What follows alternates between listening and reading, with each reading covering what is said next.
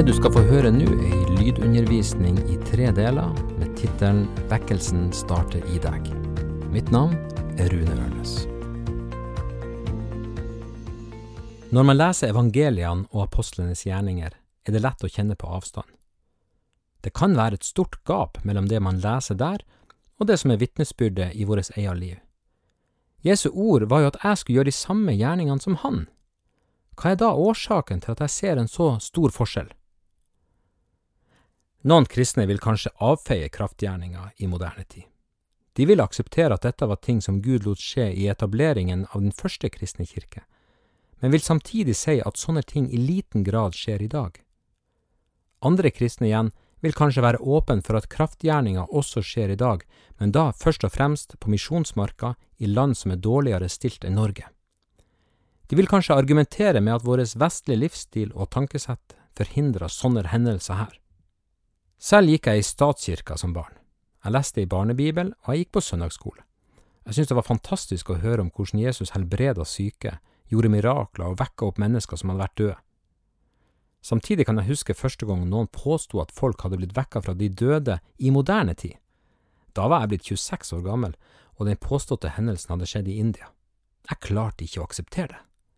Vantro fylte tanke og sinn, og jeg ble nesten provosert over en så håpløs og usannsynlig historie. Men jeg kunne ikke avfeie det helt.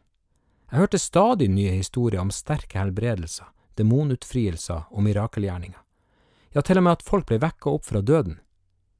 Så fikk jeg møte folk fra India, Afrika og Sør-Amerika som kunne bekrefte at det her, det skjer i min livstid. Og så kom historien nærmere. Jeg fikk treffe folk som opplevde det samme her i Europa, og til og med i Norge. Og til slutt fikk jeg erfare mirakler i nær familie. Først og fremst ble jeg utrolig takknemlig og ydmyk, men i tillegg ble jeg provosert. Positivt provosert. Plutselig skjønte jeg Paulus sine ord fra Efeserbrevet på en ny måte. Der står det hvor overveldende Hans kraft er i oss som tror. Den samme kraft som reiser Jesus opp fra døden, var virksom i hans disipler etter pinsedag og den samme kraft er meint å være virksom gjennom oss i dag. Det er to rike, og de er i konflikt med hverandre. Det ene riket er etablert i fiendskap mot Gud. Høvdingen og hærføreren i dette onde riket er denne verdens gud. Djevelen, eller Satan. Han har mange navn. Og dette riket gjør seg gjeldende ved synd, sykdom, død, perversjon og destruksjon. Guds velsignelse og hans gode ordninger blir utfordra, forstyrra og forsøkt ødelagt. Sånn som Jesus sjøl sier det i Johannes 10,10, 10, der står det tyven kommer bare for å stjele, drepe og ødelegge. Jeg er kommet for at dere skal ha liv og overflod. Du skjønner, fienden er i full vigør. Han stjeler, dreper og ødelegger nå i dag. I det Norge som du kjenner, i din by, ditt nabolag, på din arbeidsplass og i din familie. Men det andre riket er heldigvis også etablert, ved menigheta. Guds folk full av Den hellige ånd. Deg og meg. Og i dette riket er det Jesus som er herre og konge.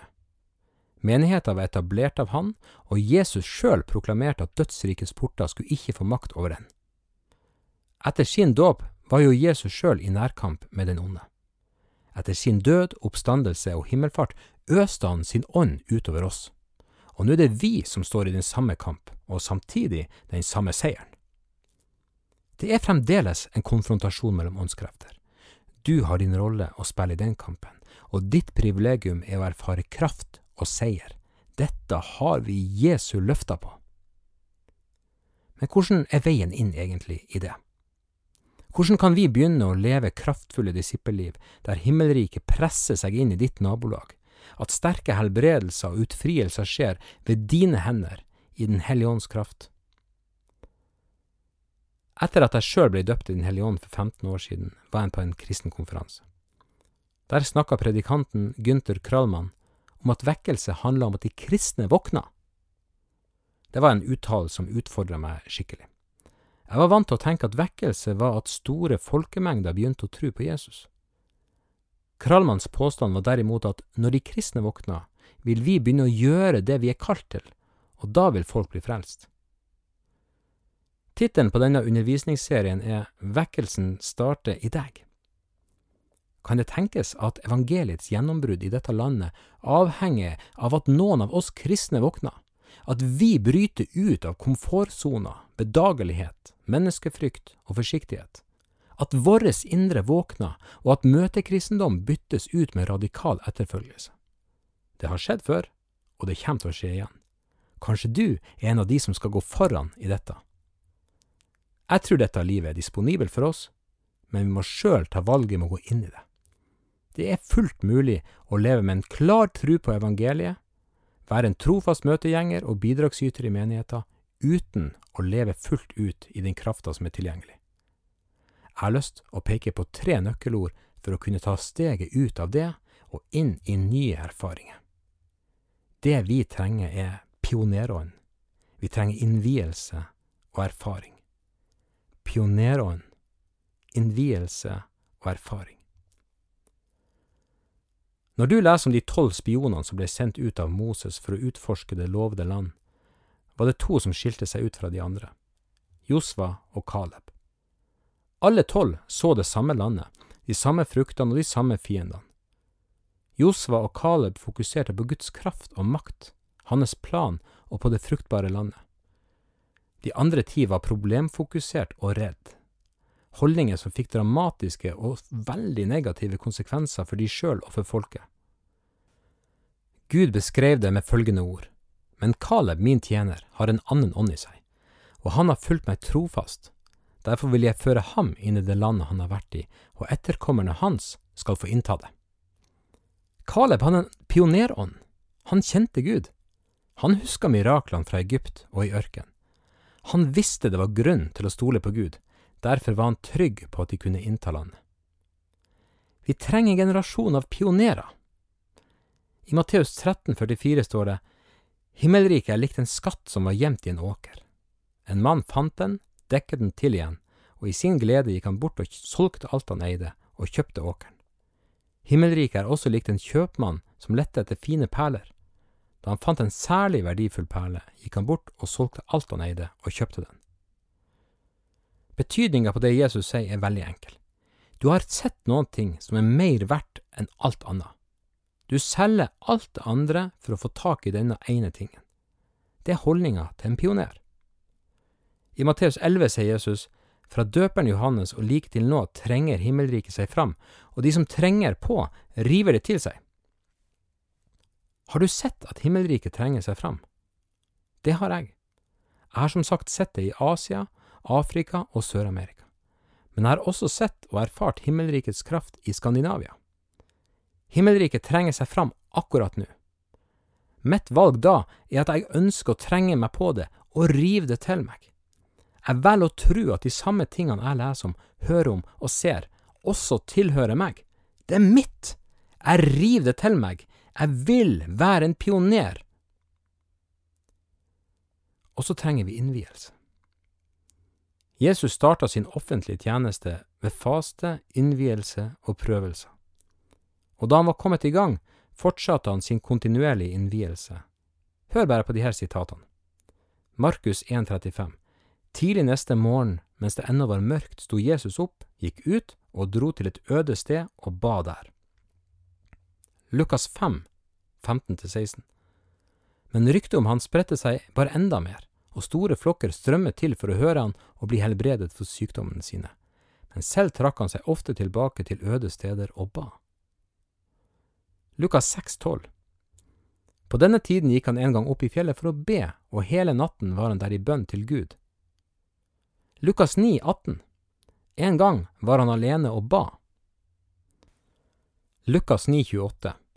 Omkring åtte dager etter at han hadde sagt dette, tok han med seg Peter, Johannes og Jakob og gikk opp i fjellet for å be. Lukas 11,1 En gang var han et sted og ba. Jesus levde et liv i innvielse. Hans gjerninger var hele tida synkronisert med det han så at hans far i himmelen gjorde. I Johannes 5,19 sier Jesus, Sannelig, sannelig, jeg sier dere, sønnen kan ikke gjøre noe av seg selv, men bare det han ser sin far gjør. Det far gjør, det gjør også sønnen. I tillegg til at han fikk ledelse, så fikk han styrke, mot, trøst, ja, kort og godt fellesskap med sin far. Og ifra dette fellesskapet pressa himmelriket seg fram overalt der Jesus bevegde seg. Dette var en livsstil som Jesu disipler hadde erfart, og som de sjøl også inntok. Det ser vi tydelig når vi leser apostlenes gjerninger. I kapittel fire står det for eksempel, etter at de var løslatt, gikk de til sine egne og fortalte hva overprestene og de eldste hadde sagt. Da de andre hørte det, ba de til Gud med ett sinn og én stemme. Så leser vi videre at de avslutter med en trosfylt bønn. Vi kan lese det i vers 29-33. Og nå, Herre, hold øye med truslene deres, og la dine tjenere tale ditt ord med frimodighet. Rekk ut din hånd, så det skjer helbredelser og tegn og under med navnet til Jesus, din hellige tjener. Da de hadde bedt, skalv stedet der de var samlet. De ble alle fylt av Den hellige ånd og talte Guds ord med frimodighet. Alle de troende var ett i hjerte og sinn, og ingen regnet det de eide som sitt eget. De hadde alt felles. Med stor kraft bar apostlene fram vitnesbyrdet om at Herren Jesus var stått opp, og stor nåde var over dem alle. De ba altså med ett sinn og én stemme, rekk ut din hånd. Midt i presset visste de hva slags hånd de kunne stole på. De visste hvor autoriteten var plassert. Så ble de alle fylt av Den hellige ånd, og resultatet var at de talte Guds ord med frimodighet. De hadde stor kraft, og stor nåde var over dem. I det tolvte kapitlet leser vi om hvordan Peter blir kasta i fengsel. Responsen fra menigheten er innvielse og bønn, og resultatet er at en engel vekker Peter med et puff, lenke faller av han, han passerer vakta, Jernporten åpner seg av seg sjøl, og før de vet ordet av det, står Peter sjøl og banker på døra og vil inn til det samme bønnemøtet. Innvielse og bønn var sentral i de første kristnes tid, og som Jesus sjøl gjorde, trenger vi å innvie oss ved faste. Fasten hjelper oss til å rive til oss det som allerede er gitt. Fasten gjør at vi fjerner distraksjoner, vi fjerner egne ambisjoner og alternative løsninger, vi retter blikket mot kilden, vi ydmyker oss, og vi tar imot himmelriket. Etter Jesu innvielse med faste i ødemarka leser vi dette i Lukas 4. I åndens kraft vendte Jesus tilbake til Galilea, og ryktet om han spredte seg over hele området. Han underviste i synagogene og fikk lovord av alle. Vi trenger også innvielse, sånn at vi òg henter krafta hos Den hellige ånd. Hvis ikke vil Lukas 4 høres ut på dette viset når versene skal beskrive mitt liv. I egen kraft vendte Rune tilbake til Tromsø, og ryktet om han spredte seg ikke i det hele tatt. Han underviste på søndagsmøtene og fikk noen hyggelige komplimenter av og til. Hva sier ryktet om deg og meg? Ryktet om oss skal vitne om Guds godhet, om Hans kjærlighet, om Hans nåde, Hans visdom og sannhet, men det skal også vitne om Hans kraft og menneskene sin frelse. Det er en viktig del av evangeliet. Det tilhører oss, og vi må ikke slippe det. Så trenger vi å gjøre våre egne erfaringer.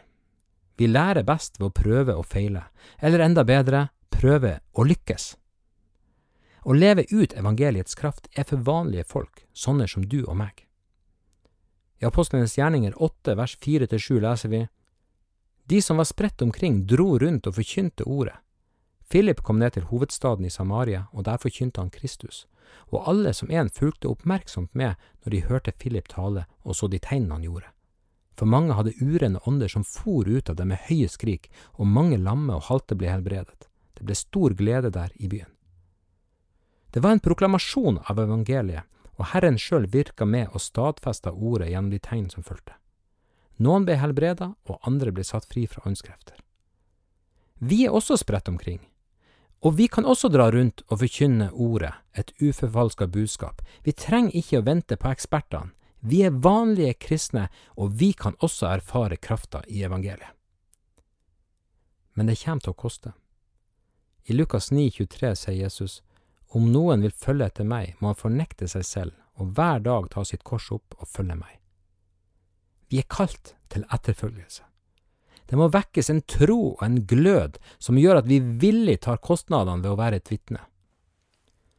Vi kommer til å måtte tåle nederlag, løgn, rykter og latterliggjøring. men så vil også lønna være gjennombrudd og fremgang for evangeliet. Vekkelsen må starte i oss, og så vil frukten være at folk erfarer himmelriket gjennom deg og meg. Det er tid for å legge bort gamle erfaringer av at det ikke nytter. Da Jesus ba Peter om å legge ut på dypet for å sette garn, hadde allerede Peter strevd hele natta uten å få noen ting. Men så valgte han å trosse sine egne negative erfaringer og sin egen slitenhet. Svaret hans var enkelt. På ditt ord vil jeg sette garn. Frukten av den enkle beslutninga var fulle garn. Så mye fisk at garnet holdt på å revne. Jesu guddom ble demonstrert på en mektig måte, og Peter reagerte med frykt. Og Jesus beroliga han med å si, Vær ikke redd, fra nå av skal du fange mennesker. Jesus kaller oss til å være menneskefiskere, forkynnere av evangeliet, formidlere av kraft og helbredelse og utfrielse. Han kaller oss til å være radikale etterfølgere av Han, i ord og i gjerning. Han kaller oss til å rive himmelriket til oss, og det kan vi gjøre ved å ha ei pionerholdning, ved å innvie oss og ved å tørre å ta nye steg i tjeneste for Han. Vekkelsen starter i deg og meg.